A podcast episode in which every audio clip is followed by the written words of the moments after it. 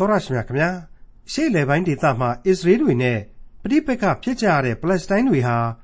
ဘယ်မျိုးနွယ်ကနေဆင်းသက်လာလို့အစ္စရေးတွေနဲ့ပြိပက္ခဖြစ်ကြပါသလဲခရိယန်သမာကျမ်းထဲမှာဖိလိတိလို့ဖော်ပြထားတဲ့ဖိလစ်စတင်းတွေဟာအရှေ့လေပိုင်းဒေသမှာအစ္စရေးတွေနဲ့ပြိပက္ခဖြစ်ကြရတဲ့ပါလက်စတိုင်းတွေပဲဖြစ်ပါတယ်ခေတ်ဆက်ဆက်ပြိပက္ခဖြစ်ကြရတာဟာဟိုးရှိမစော့ကလေးကရှိခဲ့ရတဲ့အကြောင်းချင်းရာတွေကြောင့်ဖြစ်တာကိုတွေ့ရမယ် ခရိယန်တမန်ကျမ်းရဲ့ဓမ္မဟောင်းကျမ်းပိုင်းတွေကယေရမိနဂတိကျမ်းအခန်းကြီး46ကနေအခန်းကြီး49အထိကိုဒီကနေ့သင်သိရသောတမန်ကျမ်းအစီအစဉ်မှာလေ့လာမှာဖြစ်ပါတယ်။ထာဝရဘုရားရှင်နဲ့အရှိလေပိုင်းဒေသကတိုင်းနိုင်ငံလူမျိုးတွေဆက်နွယ်ပုံဖုံဖုံကိုလည်းတွေ့ရမှာဖြစ်တဲ့ယေရမိနဂတိကျမ်းအခန်းကြီး46ကနေအခန်းကြီး49အထိကိုဒေါက်တာထွန်းမြတ်အေးကအခုလိုသုံးသပ်လေ့လာတင်ပြမှာဖြစ်ပါတယ်။ သင်သိရသောတမန်ကျမ်းရဲ့မိတ်ဆွေတော်တတ်ရှင်အပေါင်းတို့မိတ်ဆွေတို့အားလုံးကျမ်းမာပဂရိချမ်းသာစွာရှိကြပါစေလို့ကျွန်တော်တင်သိရသောတမန်ကျမ်းအဖွဲ့ကဆုတောင်းမေတ္တာပို့သပေးနေပါတယ်။ကျွန်တော်အတူတကွလေ့လာနေရတဲ့ယေရမိအနာဂတ်ကျမ်းများအားဖြင့်လေဝိညာဉ်အလင်းတရားနဲ့အတူပြုတော်မူသောအဖဖခင်သခင်ရဲ့ကျေးဇူးဂရုဏာတော်များကိုယင်မှာပျော်မွေ့ကြည်နူးနှစ်သိမ့်စွာထိတွေ့နိုင်ကြပါစေလို့ကျွန်တော်ဆက်လက်မေတ္တာပို့သလျက်ရှိနေပါတယ်ကျွန်တော်ဒီကနေ့စတင်ကြရမှာကတော့ ထူးထူးခြားခြားတွေ့မြင်လာရပြန်တဲ့အေဂုတ်ထုအတွက်ဗျာဒိတ်တော်များအကြောင်းကိုအဓိကထားပြီးဖော်ပြသွားမယ်ယေရမိအနာဂတိကျမ်းပဲဖြစ်ပါတယ်ယေရမိအနာဂတိကျမ်းအခန်းကြီး46အငယ်1မှ9တပားအမျိုးကိုရည်မှတ်၍ပရောဖက်ယေရမိသို့ရောက်လာသောထာဝရဘုရား၏နှုတ်ကပတ်တော်ဒီဟုသောယူဒရှင်ဘရင်ယောရှိသားယောယကိမင်းနန်းဆန်လေးနှစ်တွင် ကာခေမိတ်အယဥဖရတ်မြစ်နားမှတက်ချ၍ ဘာဘူးလုံရှင်ဘရင်နေဘုခတ်နေဇာလှုပ်ကြံသောအေဂုတ်ထုရှင်ဘရင်ဖာရောနေခောဤစစ်သူရဲ့အေဂုတ်ထုပြည်သားတို့ကိုရည်မှတ်သောနှုတ်ကပတ်တော်ဟုမူကားဒိုင်းလွှားတို့ကိုပြင်ဆင်၍စစ်တိုက်ခြင်းဟာချင်းကပ်ကြလော့မြင်းစည်းသူရဲများတို့မြင်းကိုကကြိုးတစားဆင်၍စီးပြီးလျင်တန်ခမောက်လုံးကိုဆောင်းလျက်ထွက်ကြလော့လှန်တို့ကိုပုတ်ကြလော့တန်ကြက်အင်ကြီးတို့ကိုဝတ်ကြလော့ သူတို့သည်ကြောက်ရွံ့၍ဆုတ်သွားကြသည်ကိုအဘယ်ကြောင့်ငါမြင်ရသနည်းအာကြီးသောသူတို့သည်ရှုံးသဖြင့်ပြန်၍မကြည့်ဝံ့အလျင်အမြန်ပြေးကြ၏ပတ်လည်၌ဘေးရှိသည်ဟုထာဝရဘုရားမိန့်တော်မူ၏အခုဗျာဒိတ်ဟာလေကျွန်တော်ဒီယေရမိအနာဂတ်သင်ခန်းစာမှာအထက်ထပ်ပြောခဲ့တယ်လို့ပါပဲအတိတ်ကိုနောက်ပြန်ဆုပ်ပြီးတော့ဖော်ပြပါတယ်ဒါပေမဲ့အတိတ်ပဲဒီအလွန်လေးနက်ပြီးနေတယ်ဆိုတာကိုသတိပြုမိဖို့အထူးပဲအရေးကြီးပါတယ်မင်းကောင်းမင်းမြတ်ယောရှိဟာ အေဂုတ်ထုဘရင်နေခောကိုသွားပြီးတော့ရန်ဆောင်မိရာကနေပြီးတော့မြားမှန်လို့ကွယ်လွန်ပြီးသွားခဲ့ပါပြီသူ့သားယောခတ်နန်းတက်တယ်နန်းတက်ပြီးလို့ဘာမှမကြပါဘူးသုံးလအကြာမှာနေခောတစ်ခေါက်ပြန်လာရောက်ပြီးတော့ယောခတ်ကိုဖြုတ်အေလိယာကိန်ကိုယောယကိန်အမိပြောင်းစေဆိုပြီးတော့ယောယကိန်နာမည်နဲ့နန်းတင်ခဲ့တယ်ဆိုတာကိုလေကျွန်တော်တို့သမိုင်းမှာတွေ့ကြရပြီးပါပြီအဲ့ဒီယောယကိန်မင်းနန်းဆန်၄နှစ်၅နှစ်လောက်မှာ အခုယေရမိအနာဂတ်တိဟာနေခောအတွက်ဗျာဒိတ်အဖြစ်ပေါ်လာတာပဲဖြစ်ပါတယ်အဲ့ဒီအချိန်မှာဆိုရင်အေဂုတ်ထုဟာအင်မတန်အင်အားကြီးတဲ့နိုင်ငံဖြစ်တယ်သူနဲ့အတူကုရှာဖုတိလူဒီဆိုတဲ့နိုင်ငံတွေဟာလေမဟာမိတ်တပ်ပေါင်းစုံအသွင်နဲ့အားဖြည့်ထားတယ်အဲ့ဒီပူးတွဲပါနိုင်ငံတွေကိုပါရောပြီးတော့သိစီဖို့အတွက်ဗျာဒိတ်ဖြစ်တဲ့အတွက်ကြောင့်တပားအမျိုးကိုရီမှတ်၍ဆိုပြီးတော့ဒီဗျာဒိတ်တော်ကိုစတင်လိုက်ခြင်းပါပဲ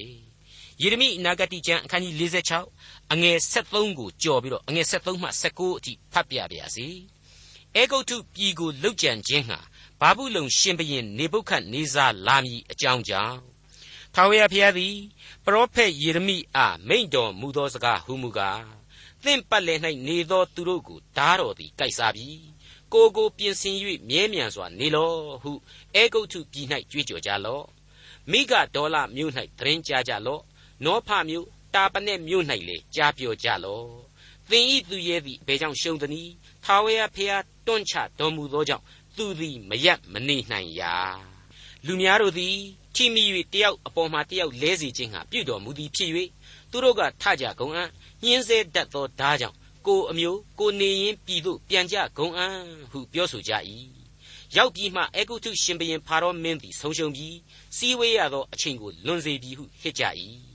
ကောင်းကင်ဘုရားအရှင်ထာဝရဘုရားဟုဘွဲ့နာမရှိသောရှင်ဘရင်မိန့်တော်မူသည်ကား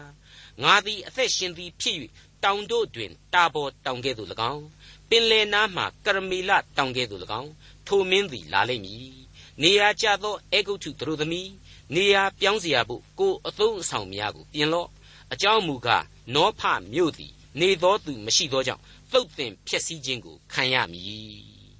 မိတ်ဆွေအပေါင်းတို့ လက်ယုံရည်တို့နှလုံးရည်တို့ဆိုတာတွေဟာသိပ်ပြီးတော့ကောင်းပါလေဒါပေမဲ့ဘုရားသခင်မရှိရင်ဆိုတဲ့အချက်တစ်ခုတည်းနဲ့အဲ့ဒီလက်ယုံဟာပြုတ်ထွက်သွားရမည်ဖြစ်တယ်နှလုံးဟာလေရက်တန်းကနေရရစမြဲဖြစ်တယ်ဆိုတာတွေ့ကိုကပ္ပသမိုင်းဟာအမြဲတစေဖော်ပြနေပါတယ်အခုအေဂုတ်ထု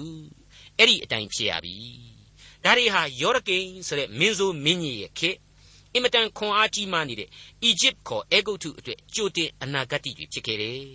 ဒါတွေကိုအခုကြမှာပြန်ပြီးတော့ဖော်ပြပါတယ်ဘာဖြစ်လို့လဲဆိုတော့အခုအချိန်မှာဘာပုလုံကိုကြောက်လန့်ပြီးတော့ဣသရေလအကျွင်းအကြံသဘုံတွေဟာအေဂုတ်ထုကိုပြေးကြပြန်ပြီသူတို့ကအားကိုးရမလားလို့အထင်ကြီးနေတဲ့အေဂုတ်ထုအကြောင်းကိုလွန်ခဲ့တဲ့နှစ်20ကလေးကဘုရားသခင်ဘယ်လိုကြိုတင်ဖော်ပြခဲ့တဲ့အကြောင်းကိုသူတို့မသိမှဆိုလို့တနည်းပြောရရင်တော့အေဂုတ်ထုနဲ့အပေါင်းအပါတွေရောအေဂုတ်ထုကိုသွားအားကိုးတဲ့ဣသရေလရောသိဖို့လိုအပ်နေလို့ယေရမိမှတဆင့်ထ ပ်မံသတိပေးလိုက်ခြင်းပါပဲဆက်ပြီးတော့ယေရမိအနာဂတိကျမ်းအခန်းကြီး46အငယ်20မှ26ကိုကြည်ပါအေဂုတ်ထုပြည်သည်အစင်းလှသောနွားမှဖြစ်၏တို့ရာတွင်မြောက်မျက်နှာဘက်ကနှောက်ယှက်ခြင်းအကြောင်းပေါ်လာ၏သူငါတို့သည်သူ၏အလယ်၌ဆူအောင်ကျွေးသောနွားကဲ့သို့ဖြစ်တော်လေ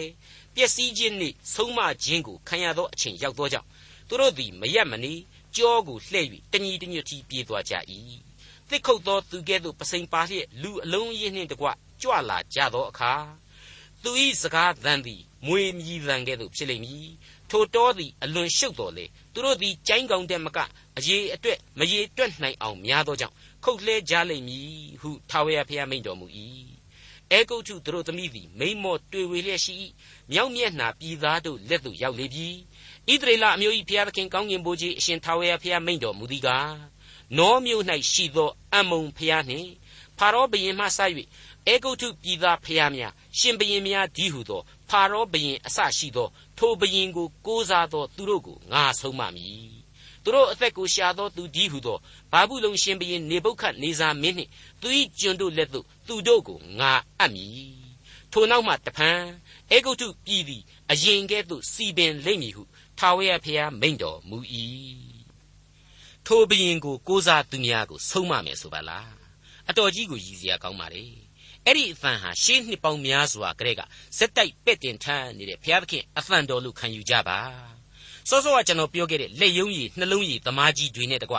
ကိုကိုကိုအလွန်အထင်ကြီးနေတဲ့မဟာအင်အားကြီးနိုင်ငံကြီးတွေ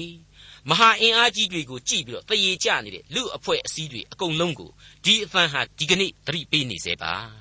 လောလောဆယ်မင်းတို့ဆရာတင်ထားတဲ့အီဂျစ်အဲဂုတ်ထု သေချာပေါက်ဒုက္ခရောက်တော့မယ်နောက်ပိုင်းကျတော့မှအရင်ကလိုပြန်ပြီးတော့စီပင်သားရဝါပြောခြင်းရှိလိမ့်မယ်တဲ့မိษွေတို့အဲဂုတ်ထုနားထောင်ဆိုပြီးတော့ချမှတ်ခဲ့တဲ့ဗျာဒိတ်တော်တွေအကြောင်းကိုဟေရှာယမှာကလေးကကျွန်တော်တို့လေ့လာခဲ့ကြပြီးပါပြီမှားတာရဲ့လို့တခုမှမရှိခဲ့ကြောင်းတွေကိုလည်းကျွန်တော်အသေးစိတ်ဖော်ပြပေးခဲ့ပြီးပါပြီအခုဆိုရင်ယေရမိကနေတဆင့်ပြန်ပြီးတော့စီပင်ရစီမယ်တဲ့ဒါဟာကောင်းကြီးပေးခြင်းပဲပေါ့ဟေရှာယမှာတုန်းကတွေ့ခဲ့ရတဲ့အနာဂတ်ပြစ်ဒဏ်တွေ စီရင်တော်မူခြင်းတွေနဲ့အတူအီဂျစ်နိုင်ငံဟာကောင်းကြီးကိုလည်းတစ်ဖက်ကခံရတယ်။အဲ့ဒီတန်ပါရင်နိုင်ငံကြီးဟာဒီကနေ့တက်တိုင်အောင်စီပင်စဲနိုင်ငံကြီးပဲလို့ကျွန်တော်တို့ဆိုမယ်ဆိုရင်ဘယ်သူမှညင်းနိုင်မှာမထင်ပါဘူး။မိတ်ဆွေအပေါင်းတို့ဆက်လက်ပြီးတော့ယေရမိအနာဂတ်တိဟာခါနန်ပြည်ရဲ့ကံယူဒန်ဒေသဣသရေလနဲ့မတည့်အတူနေလူမျိုးတစ်ခုဖြစ်တဲ့ဖိလိတိတို့အတွက်ဗျာဒိတ်ကိုဆက်ပြီးတော့အခန်းကြီး48အရာဖွင့်ပြပေးလိုက်ပါတယ်။ယေရမိအနာဂတ်တိကျမ်းအခန်းကြီး48 အငယ်1မှအဆုံးအထိဖာရောဘုရင်သည်ဂါဇမြို့ကိုမလုတ်ကြမ်းမီဖိလိတိအမျိုးသားတို့ကိုရည်မှတ်၍ပရောဖက်ယေရမိသို့ရောက်လာသောနှုတ်ကပတ်တော်အားဖြင့်ထာဝရဘုရားမိန့်တော်မူသည်ကားမြောက်မျက်နှာဘက်မှရေသည်ထ၍လွှမ်းမိုးသောပင်လယ်ဖြစ်လျက်တပြည်လုံးနှင့်ပြည်၌ပါသမျှကို၎င်းမြို့နှင့်မြို့၌နေသောသူတို့ကို၎င်းလွှမ်းမိုး၍သူတို့သည်အော်ဟစ်ကြလိမ့်မည် ပြည်သူပြည်သားတို့သည်မြည်တမ်းကြလိမ့်မည်ရန်သူစီးသောမြင်းမြင်းခွာသံစိုင်းသောယထာဘီမြည်သံကြောင့်အဖတို့သည်အားလက်အားရော့၍သားတို့ကိုပြန်မကြည့်ကြအကြောင်းမူကားဖိလိတိအမျိုးသားတို့ကိုဖမ်းဆီးဖျက်ဆီးရသောနေ့တူရုမြို့ဇီးဒုံမြို့ကိုစစ်ကူနိုင်သောသူအကြံအကျွင်းရှိသမျှတို့ကိုပယ်ဖြတ်ရသောနေ့သည်ရောက်၍ထာဝရဘုရားသည်ဖိလိတိအမျိုးသားနှင့် ကြံကျွင်းသောကိတ်တော်ရပြည်သားတို့ကိုသုတ်သင်ပယ်ရှင်းတော်မူမည်ဂါဇမြို့သည်စပင်ရိတ်ချင်းကိုခံရ၏အာရှကေလုံမြို့နှင့်ကြံကျွင်းသောဂျိုင်းအရက်သည်ပျက်စီးပြီအဘယ်မြကာလပတ်လုံးကိုအသားကိုခုတ်ဖြတ်ရမည်နီအိုးထာဝရဘုရား၏ဓာတော်သင်သည်အဘယ်မျှကာလပတ်လုံးမငြိမ်ဘဲနေမည်နီကိုအိမ်၌ဝင်၍နေကြလော့နေရာကျ၍ငြိမ်ဝတ်စွာနေကြလော့အာရှကေလုံမြို့နှင့် ပင်လေကန်းအမှု၌ထာဝရဘုရားမှားထားတော်မူသောကြောင့်အဘယ်သို့ငြိမ်ဝတ်စွာနေနိုင်သနည်းထိုအမှုကိုဆောင်ရွက်စေခြင်းဟာခံထားတော်မူ၏မိတ်ဆွေအပေါင်းတို့ဒီကနေ့မိတ်ဆွေတို့ကျွန်တော်တို့ကြားကြနေရတဲ့ပါလက်စတိုင်းဆိုတာဟာအဲ့ဒီဖိလိတိကနေပြီးတော့ဆက်ပြီးဆွဲယူလာတဲ့နာမည်နဲ့လူမျိုးပဲလို့သိရပါတယ် ဒီလူတွေဟာအခုကျမ်းမှာတွေ့ရတဲ့ကတ်တော်ရလူမျိုးတွေပဲဖြစ်ပါတယ်သူတို့ရဲ့ဇာတိဟာမြေထဲပင်လေဥရောပတောင်ပိုင်း Greek ကျွန်းစုလို့ကျွန်တော်တို့နားလည်ထားရပါတယ်ဒီတော့လူပြူဥရောပဇာတိတွေပဲပေါ့ဒါဆိုရင်မမှားတော့ပါဘူးဒါပေမဲ့သူတို့ဟာရေကိုသိပ်ပြီးတော့ကျွန်းကျင်တော့မြေထဲပင်လယ်ကိုဖြတ်ပြီးတော့စုံစင်းနေအီဂျစ်ကိုသွားပြီးတော့စစ်တိုက်ခဲ့တယ် အီဂျစ်ဆိုတာဟာလေအဲ့ဒီအချိန်ကာလမှာရှေးရှေးတုန်းကဆိုရင်နန်းမြစ်မြစ်ဖွမ်းယဉ်ကျေးမှုဆိုပြီးတော့အင်မတန်ထွန်းကားခဲ့တဲ့အေယာမနိုင်ငံတော်ကြီးပဲသူတို့ကိုဘယ်ခံမလဲပြန်ပြီးတော့ဝိုင်းတိုက်လွှတ်တော့မှအဲ့ဒီကတ်တော်ရတွေဟာဒီကနေ့ဂါဇာကမ်းမြောင်ဒေသနဲ့ခါနန်အစိတ်အပိုင်းအချို့တွေကိုရောက်လာပြီးတော့အခြေကျသွားကြတယ်လို့ဆိုပါတယ်ဒါဟာသမိုင်းဦးကရှေးအလွန်ကြသောအဖြစ်ဟောင်းများဖြစ်ပါတယ်ဘ ഹു တုတရရန်အတွက်ကျွန်တော်ထည့်ပြီးတော့တင်ပြပေးလိုက်ရတာပါရန်သူတွေဝင်လာလို့ရှိရင်အဲ့ဒီဖိလိတ်တီ အဖတို့ဟာသားတို့ကိုပြန်ပြီးတော့မကြည့်ကြတော့ဘူးတဲ့အတိတ်ပဲဟာဘာလဲဘာဘူးလုံတွေအတင်းဝင်တိုက်တော့ကြောင်မြောင်အောင်ကြိုက်ပြီးပြေးကြတယ်ဆိုတဲ့သဘောပဲကိုသားအိုတောင်မှကိုပြန်မကြည့်နိုင်တော့ဘူးကိုမသေးအောင်လို့မနဲ့ဇွတ်ပြေးရတယ်ဆိုတဲ့သဘောဂါဇမြို့ဟာသပင်ရိတ်တယ်လို့ပဲပြောင်းသွားလိမ့်မယ်တဲ့ကျွန်တော်သိသည်အဲ့ဒီတုန်းကလည်းပြောင်းသွားခဲ့တယ်အခုမျက်မှောက်ခေတ်မှာလည်းပြောင်းနေစေပဲဂါဇာဆိုတာဟာသူတို့ရဲ့အေယာမမြို့ပြကြီး နှုတ်ကပတ်တော်မှာဂါဇမြို့ဂါဇမြို့ဆိုပြီးတော့အကျဉ်းချင်းတွေ့ရတယ်ဟောအခုတော့အေဂုတ်ထုနဲ့ဣသရေလနယ်စပ်မှာဂန္ဓာယစစ်တလင်းနယ်မြေကြီးဖြစ်နေရပြီအဲ့ဒီဖိလိတိတွေအဖို့လေဘာဘူးလုံရဲ့ဓာဟာငြိမ်မနေဘူးဆက်ဆက်ဝင်မှွေလိုက်မယ်တဲ့အဲ့ဒါဟာအဖဖျားသခင်ရဲ့အမိန့်တော်ပဲဒီအမှုကိုဆောင်ရွက်စေခြင်းဟာခန့်ထားတော်မူ၏လို့ကျမ်းစာဖော်ပြလိုက်တယ်မိတ်ဆွေတို့ ကျွန်တော်အကုန်လုံးရှောက်ပြီးတော့မရှင်းတတ်လို့အကြီးအကျယ်စကားတွေမပြောလိုပါဘူးဒါပေမဲ့နှုတ်ကပတ်တော်ရဲ့ဖော်ပြချက်တွေကိုအသေးစိတ်ကြည့်လိုက်မိတိုင်းမတွေးမဆပဲနေနိုင်လောက်အောင်ခန်းစားမိကြောင်းကိုတော့ဝန်ခံလိုပါတယ်ဒီနေ့ဒီအချိန်မှဆိုရင်ကဘာဖြက်လက်နဲ့ကြီးတွေဟာအရှိုးအရှိုးတိုးတက်များပြားနေပါတယ်သူ့မှာရှိရင်လည်းငါမှာရှိမှာဒါမှချိန်ခွင်အင်အားရှာညီမယ်ချိန်ခွင်ရှာညီမယ်ဒါမှလည်းငြိမ်းချမ်းရေးကြီးဖြစ်မယ်ဆိုပြီးတော့အယိုးဆွဲနေတဲ့အယူအဆဟာလည်းအလွန်ခက်စားနေပါတယ် အဲ့ဒီအယိုးဆွဲနေတဲ့ခေါင်းဆောင်ကြီးတွေကိုအခုဘာပုလုံတွေအတိုင်းပဲဘုရားသခင်ဟာအသုံးပြုမှာလားထိုအမှုကိုဆောင်ရွက်ခြင်းဟာငါခန့်ထားတော်မူ၏ဆိုပြီးတော့များဖျားသခင်ဟာကဘာကြီးကိုဖျက်ဖို့ခန့်ထားလေမလားဆိုပြီးတော့ကြောလဲချမ်းမိတဲ့အကြောင်းထဲ့သွင်းတင်ပြခွင့်ပြုပါမိတ်ဆွေဒီကျမ်းတွေမှာအနှစ်ချုပ်ကတော့ဘာကြီးပဲဖြစ်နေပါစေဘလောက်ပဲအခြေအနေတွေဆိုးနေကြပါစေသူ့စကားကိုနားထောင်ကြသူ့အလိုတော်ကိုသာလိုက်လျှောက်ကြသူ့ကိုဆုတောင်းအသနာခံကြတဲ့ ဒါဟာအခြေခံလိုအင်ပဲဖြစ်တယ်ဆိုတာကိုလူမျိုးတော်ရဲ့ဖြစ်စဉ်များမှတဆင့်ဘုရားသခင်ပြင်းထန်စွာတတိပေးနေခြင်းပဲဖြစ်ပါတယ်ခင်ဗျာအခန်းကြီး48ကိုကူးကြပါစို့မောဘသူဆိုတဲ့နောက်ထပ်ရှည်လျားတဲ့ဗျာဒိတ်သံတွေကိုကြားရပါလိမ့်မယ်အခန်းကြီး48အငယ်1မှ8ဣသရေလအမျိုး၏ဖျားသခင်ကောင်းကင်ဘိုးကြီးအရှင်ထာဝရဘုရားသည်မောဘပြည်ကိုရည်မှတ်၍မိန့်တော်မူသည်ကားနေဘောမြို့သည်အမင်္ဂလာရှိ၏ပျက်စီးခြင်းသို့ရောက်လေ၏ ကိယယသိမ်မြို့သည်ရှုံး၍လူယူခြင်းကိုခံရ၏မိသကမြို့သည်လည်းရှုံး၍စိတ်ပြက်လေ၏မောဘပြည်သည်နောက်တဖန်ဟေရှဘုံမြို့၌မဝါကြွားရရန်သူတို့သည်မောဘပြည်ကိုပြည်မဖြစ်စေခြင်းဟာပယ်ရှားကြကုန်အံ့ဟုရန်ပြုမိအကြံနှင့်ကြံစီကြ၏အိုမာဒမေနာမြို့သင်သည်လည်းပျက်စီးရမည်ဓာဘေးသည်သင်ကိုလိုက်လိမ့်မည်ဟောယနေမြို့၌လည်းညှင်းဆဲခြင်းနှင့်ပြင်းစွာသောပျက်စီးခြင်းရှိ၍အော်ဟစ်သောအသံကိုကြားရ၏ မောဘပြည်သည်ပျက်စီးခြင်းသို့ရောက်၍သူငယ်တို့သည်မြည်တမ်းသောအသံကိုပြုကြ၏ငိုကြွေးသောအသံသည်လူဟိတ်တောင်ပေါ်သို့တက်ရ၏ဟောယနေမြို့သို့ဆင်းရရ၌လေဆုံးရှုံးခြင်းအသံကိုရန်သူတို့သည်ကြားရကြ၏အသက်လွတ်အံ့သောငါပြေးကြလော့လွင်ပြေ၌ရှိသောတစ်ပင်ကြောက်ကဲ့သို့ဖြစ်ကြလော့သင်သည်မိမိစီးပူးသောဗန္တာဥစ္စာကိုကိုးစားသောကြောင့်သူတစ်ပါးလက်သို့ရောက်ရလိမ့်မည်ခေမှုရှဖျားကိုလေ သူဤမင်းသူဤယစ်ပရောဟိတ်တို့နှင့်တကွသိမ့်သွားကြလိမ့်မည်လူယူသောသူသည်မြို့များအစဉ်အတိုင်းရောက်လာ၍မြို့တစ်မြို့မျှမလွတ်ရဂျိုင်းနှင့်တကွလွင်ပြင်သည်လေပျက်စီးခြင်းသို့ရောက်ရလိမ့်မည်ထို့သောထာဝရဖျားမိန့်တော်မူပြီမိတ်ဆွေအပေါင်းတို့ယုဒဝတ္ထုရဲ့အစမှာကလေးကဣသရေလနယ်မြေတဲ့ပို့ပြီးတော့စီးပွားရေးအင်အားကောင်းတဲ့မောဘဒေသကို ဣသရေလမိသားတစုဟာအမိမြေကိုစွန့်ပြီးတော့ထွက်သွားခဲ့ကြတယ်ဆိုတာကိုထောက်လိုက်ရင်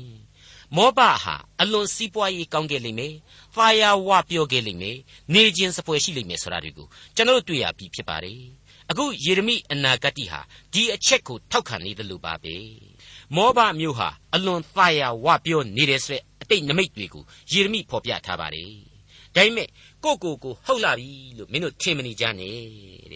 မင်းတို့ရဲ့နတ်ဖျားတွေကိုပါဘာပုလုံတွေကအကုန်ချွတ်ယူသွားလို့မင်းတို့မှကြီးနေဖုတ်ဖုတ်ပဲကြံခဲ့လိမ့်မယ်တဲ့ဟုတ်ပါတယ်အဲ့ဒီလိုသာယာဝပြောခြင်းတို့ဟာဘယ်လိုဘယ်လိုတခဏချင်းပြောင်းလဲသွားရလိမ့်မယ်ဆိုတာကိုအခုလိုယေရမိအားဖြင့်ဆက်ပြီးတွေးနိုင်ပါတယ်ယေရမိအနာဂတိကျမ်းအခန်းကြီး48အငယ်29မှ33မောဘဤမာနကိုငါတို့သည်ကြားသိကြ၏အလွန်ကြီးသောမာနဖြစ်မာနကြီးခြင်း ထောင်လွှားစော်ကားခြင်းစိတ်နှလုံးမြင့်ခြင်းရှိတော်လေသူ၏ဒေါသအမျက်ထွက်ခြင်းကိုငါသိသည်ဖြစ်၍သူသည်အချီးနှီးသက်သက်ဝါကြွားသောစကားကိုပြောလျက်နှင့်မိမိအလိုမပြည့်စုံရာဟုထာဝရဘုရားမိန့်တော်မူ၏ထို့ကြောင့်မောဘအတွက်ငါသည်ညီးတွားမြည်တမ်းမည်မောဘပြည်တပြည်လုံးအတွက်ငိုကြွေးမည်ကိယဟရတ်မြို့သားတို့အတွက်ညီးတွားခြင်းရှိရမည်အိုးစိဗမာစပြစ်နွယ်ပင်ယာဇာမြို့အတွက်မျက်ရည်ကျသည်တဲ့ သင်အတွက်ငါသည်မျက်ရည်ကျမည်သင်၏အညွန့်တို့သည်ပင်လေကိုလွန်၍ယာဇာပင်လေတိုင်အောင်ရောက်ကြ၏ဖြက်စီးသောသူသည်သင်၏သစ်သီးနှင့်စပြစ်သီးတို့ကိုလူယူ၏ဝါပြောသောလေပြင်းနှင့်မောဘပြည်ထဲမှဝမ်းမြောက်ရွှင်လန်းခြင်းပြတ်လေပြီစပြစ်သီးနေရာကျင်း၌စပြစ်ရေကိုငါပြတ်စေပြီကြွေးကြော်သံကိုပြုတ်၍စပြစ်သီးကိုမနှင်းရကြွေးကြော်သောအသံလေကြွေးကြော်သောအသံမဟုတ်ရာ မိတ်ဆွေအပေါင်းတို့မောဘဟာဘုရားသခင်ကိုသိတဲ့လူမျိုးသိပင်သိလျက်နဲ့ကြောခိုင်းခဲ့တဲ့လူမျိုးခံစားရကောင်းကြီးများဘောမှာလက်မထောင်ပြီးတော့မန်ရစ်ခဲ့တဲ့လူမျိုးစော်ကားမော်ကားပြုတ်တဲ့လူမျိုးတဲ့ဟေရှာယအနာဂတိမှာတုန်းကဆိုရင်လေဘာအဖြစ်မှမရှိပဲကြွားလုံးတွေနင့်ကန်ထုတ်တဲ့ဝါကြွားတတ်သောလူမျိုးဖြစ်တယ်တဲ့အခုဒီမှာလည်းဒီတိုင်းပါပဲ ဝါကြွားသောစကားကိုပြောလျက်နှင့်မိမိအလိုမပြည့်စုံရဟုထာဝရဘုရားမိန့်တော်မူ၏ဆိုပြီးတော့တွေ့ရပြီမဟုတ်ဘူးလားဟုတ်ပါတယ်ကဘာဦးကျမ်းမှာကလေးကလောတဆိုတဲ့သူတို့ရဲ့ဘေးလောင်တော်အာဗြဟံလိုကျေးဇူးရှင်ကိုတောင်းမှခေါင်းပုံဖြတ်ပြီးတော့ပို့ပြီးတော့ကောင်းမယ်ထင်တဲ့သောဒုံတို့ဂေါမောရတို့ကိုရွှေ့သွားခဲ့တဲ့လောတဆိုတဲ့တထေးကြီးအကြောင်းကိုကျွန်တော်တွေ့ခဲ့ရပြီးပါပြီသူအမှုပြုတဲ့အကြောင်းသမိုင်းဟောင်းတွေဟာမကောင်းခဲ့ပါဘူး အဲ့ဒီလောတရဲ့အမျိုးအနွယ်ဖြစ်တဲ့အမုံရဲ့မောဘရဲ့ဆရာတွေဟာဆွေမျိုးအရင်အခြားတွေဖြစ်ကြသလိုဣသရေလတို့နဲ့လည်းသူစိမ့်လို့မပြောနိုင်တဲ့လူစိမ့်လို့မပြောနိုင်တဲ့ဆွေနီးမျိုးဆက်တွေပဲဖြစ်ခဲ့ကြပါတယ်သူတို့ဟာလေဘာဘူးလုံရဲ့ဖြစ်စည်းမှုနဲ့ဘယ်နည်းနဲ့မှမလွတ်ကြရဘူးဆိုတာကိုအခုယေရမိဖော်ပြလိုက်ပြန်ပါပြီယေရမိအနာဂတိကျမ်းအခန်းကြီး48အငယ်40မှ49ကိုဆက်ပြီးတော့နားဆင်ကြည့်ကြပါထာဝရဘုရားမိန့်တော်မူသည်ကား ရန်သူသည်ရွှေလင်းတပြန်တက်တဲ့ကဲ့သို့ပြန်လာ၍အတောင်တို့နှင့်မောဘပြည်ကိုအုပ်မိုးလိမ့်မည်မြို့တို့ကိုလှုပ်ကြံ၍ရဲတိုက်တို့ကိုတိုက်ယူသောကြောင့်ထိုနေ့၌မောဘအမျိုးသူရဲတို့စိတ်နှလုံးသည်သားဖွာခြင်းဝေဒနာကိုခံရသောမိမ၏စိတ်နှလုံးကဲ့သို့ဖြစ်ရလိမ့်မည်မောဘသည်ထာဝရဘုရားတစ်ဖက်၌ဝါကြွားသောကြောင့်နောက်တဖန်ပြည်မဖြစ်အောင်ပျက်စီးရလိမ့်မည်အိုးမောဘအမျိုးသားသင်သည်ကြောက်လန့်ပွေသောအရာ မြေတွင်ကြော့ကွင်းတဲသို့ရောက်လေပြီကြောက်လန့်သောကြောက်လန့်ပွေသောအရာမှပြေးသောသူသည်မြေတွင်းတဲသို့ကျလိမ့်မည်မြေတွင်းမှလွတ်သောသူသည်ကြော့ကွင်း၌ကြော့မိလိမ့်မည်ဆုံးမခြင်းကိုခံရသောနှစ်ကာလကိုမောဘပြည်သို့ငါရောက်စေမည်ဟုထာဝရဘုရားမိန့်တော်မူ၏ပြေးသောသူတို့သည်အာကုံသောကြောင့်ဟေရှပုံမြို့အရိတ်ကိုခိုးကြတော်လေရှိဟုန်ဘရင်နေရဟေရှပုံမြို့မှမိလျံထွက်သဖြင့်မာနထောင်လွှားသောသူတို့၏အ ထွတ်မှစ၍မောဘပြည်စွန်းတိုင်အောင်လောင်လိမ့်မည်။အိုးမောဘပြည်သင်သည်အမင်္ဂလာရှိ၏။အိုးခေမှုရှတပြည်တို့သင်သည်အကျိုးသင်တို့သည်အကျိုးနည်းကြပြီ။သင်တို့ဤသားသမီးများကိုသိမ့်သွားကြပြီတို့ရတွင်သိမ့်သွားခြင်းကိုခံရသောမောဘအမျိုးသားတို့ကိုနောင်ကာလ၌ငါဆောင်ခဲ့အုံးမည်ဟုထာဝရဘုရားမိန့်တော်မူ၏ဤ၍ကမောဘခံရသောအပြစ်တရားပေတည်း အထူးသတိပြုရမယ့်အချက်ကတော့နောက်တဖန်ပြည်ရလို့ပြန်မဖြစ်စေရတဲ့ဟုတ်ပါတယ်မိတ်ဆွေမောဘဟာခရစ်တော်အချိန်ကာလမှာတောင်မှသမိုင်းကနေကွယ်ပြောက်လူစေဖြစ်ခဲ့ရပြီဆိုတဲ့အချက်နဲ့ဒီဗျာဒိတ်မှန်သည်မမှန်သည်ကိုဒီကနေ့အရှိအလဲပိုင်းမှာမောဘဆိုတဲ့မြေများရှိသေးသလားလို့မေးလိုက်တဲ့ခေါင်းခါပြမဲ့အဖြေတွေကိုထောက်ရှုခြင်းအပြင်အကဲဖြတ်ပြီးကြည်ရန်သာဖြစ်တဲ့အကြောင်းတင်ပြပါရစေအခုအချိန်မှာတော့ အစဉ်စည်းလုံးညီညွတ်သောနှုတ်ပတ်တော်စပြီးဟာမောဘရဲ့ညီအကိုတော်အမုံတို့အတွက်ဗျာဒိတ်ကိုပါစက်တိုက်ဖော်ပြပေးသွားပါတော့မယ်ယေရမိအနာဂတိကျမ်းအခန်းကြီး49အငယ်1နဲ့2အမုံအမျိုးသားတို့ကိုရည်မှတ်၍ထာဝရဘုရားမိန့်တော်မူသည်ကားဣသရေလ၌သားမရှိသလောအမွေခံမရှိသလောမိလကုံဖျားသည်ဂတ်ပြည်သို့အဘယ်ကြောင့်သိမ်းယူသနည်းသူ့တပည့်တို့သည်ဂတ်မြို့တို့၌အဘယ်ကြောင့်နေကြသနည်းထိုကြောင့်ထာဝရဘုရားမိန့်တော်မူသည်ကား အမုံအမျိုးသားတို့နေရာရဗ္ဗာမြို့၌စစ်တိုက်ခြင်းအသံကိုငါကြားစေသောအချိန်ရောက်လိမ့်မည်ထိုမြို့သည်ပျက်စီးရာပုံဖြစ်၍သူ၏သမီးတို့သည်လည်းမိရှုခြင်းကိုခံရကြလိမ့်မည်ထိုအခါဣသရေလအမျိုး၏နေရာကိုသိမ်းယူသောသူတို့၏နေရာကိုဣသရေလသည်တဖန်သိမ်းယူရလိမ့်မည်ဟုထာဝရဘုရားမိန့်တော်မူ၏ဣသရေလ12မျိုးထဲမှာတစ်မျိုးအပါဝင်ဖြစ်တဲ့ဂတ်လူမျိုးတွေဟာ ယော်ဒန်မြစ်ကိုကူးပါဆိုတာကိုမကူးဘဲနဲ့ချော်တောငော့ပြီးတော့ဘုရားသခင်အမိန့်တော်ကိုဖီးစမ်းယော်ဒန်မြစ်အရှိဘက်ဂါလိလဲအိုင်တစ်ဖက်ကမ်းမှာသွားပြီးတော့နေခဲ့ကြပါတယ်အဲ့ဒီမှာတင်အမုံတွေရဲ့ကျူးကျော်စော်ကားမှုတွေကိုခံရတယ်ဆိုတဲ့အစအနတွေဒီယေရမိအနာဂတ်သမိုင်းကြောင်းအရာပေါ်လာပါတယ်အခုအချိန်မှဆိုရင်အမုံတို့ကိုဖျက်ဆီးပစ်မယ်ဆိုတဲ့ဗျာဒိတ်နဲ့အတူအနာဂတ်မှာဣသရေလဟာဒီအရက်ဒေသကိုပြန်ပြီးတော့စိုးမိုးရလိမ့်မယ်လို့ဗျာဒိတ်ပြုဖော်ပြပေးလိုက်ပါတယ်ဟုတ်ပါတယ်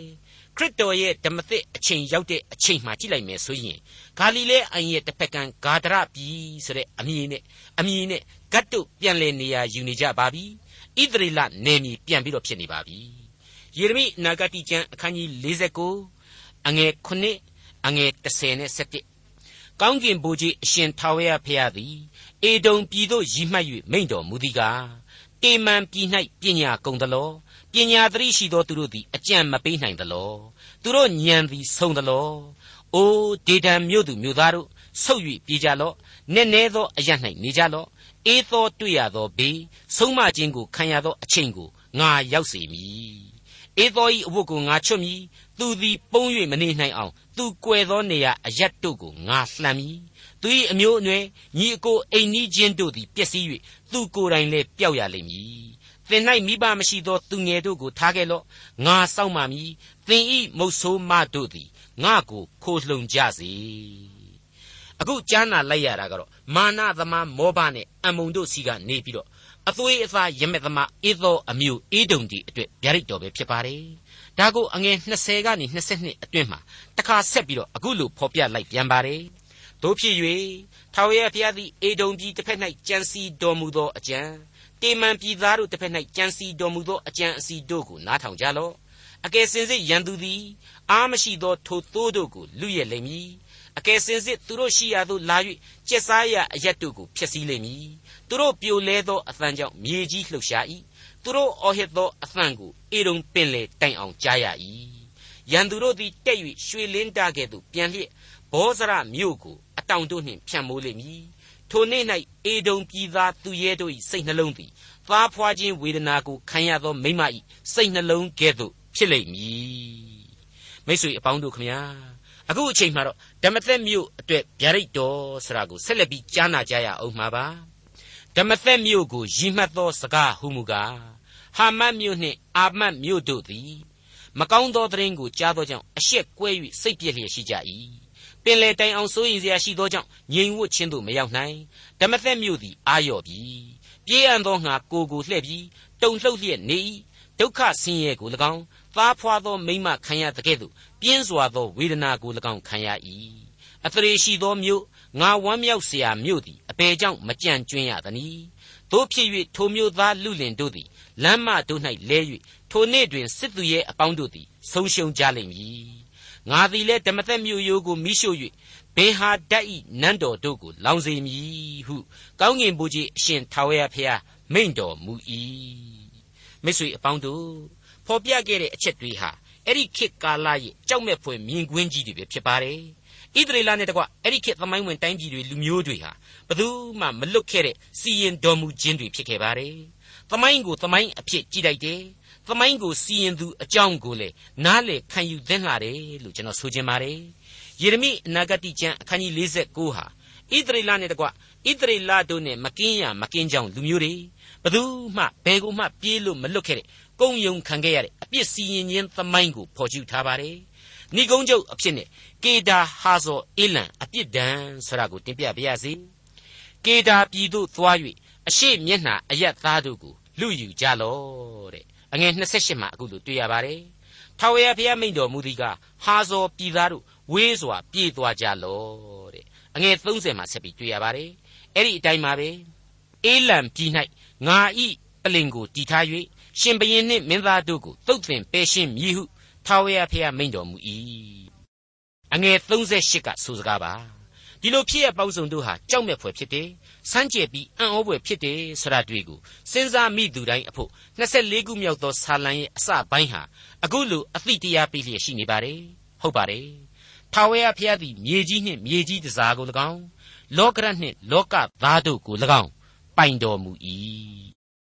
ဒေါက်တာထွန်းမြတ်၏စီစဉ်တင်ဆက်တဲ့တင်ပြရတော်တမချန်းအစီအစဉ်ဖြစ်ပါတယ်နောက်တစ်ချိန်အစီအစဉ်မှာခရိယန်တမချန်းရဲ့ဓမ္မဟောင်းကျမ်းပိုင်းတွေက ယေရမိအနာဂတ်ကျမ်းအခန်းကြီး90အခန်းကြီး51နဲ့နောက်ဆုံးအခန်းကြီးဖြစ်တဲ့အခန်းကြီး52တို့ကိုလေ့လာမှာဖြစ်တဲ့အတွက်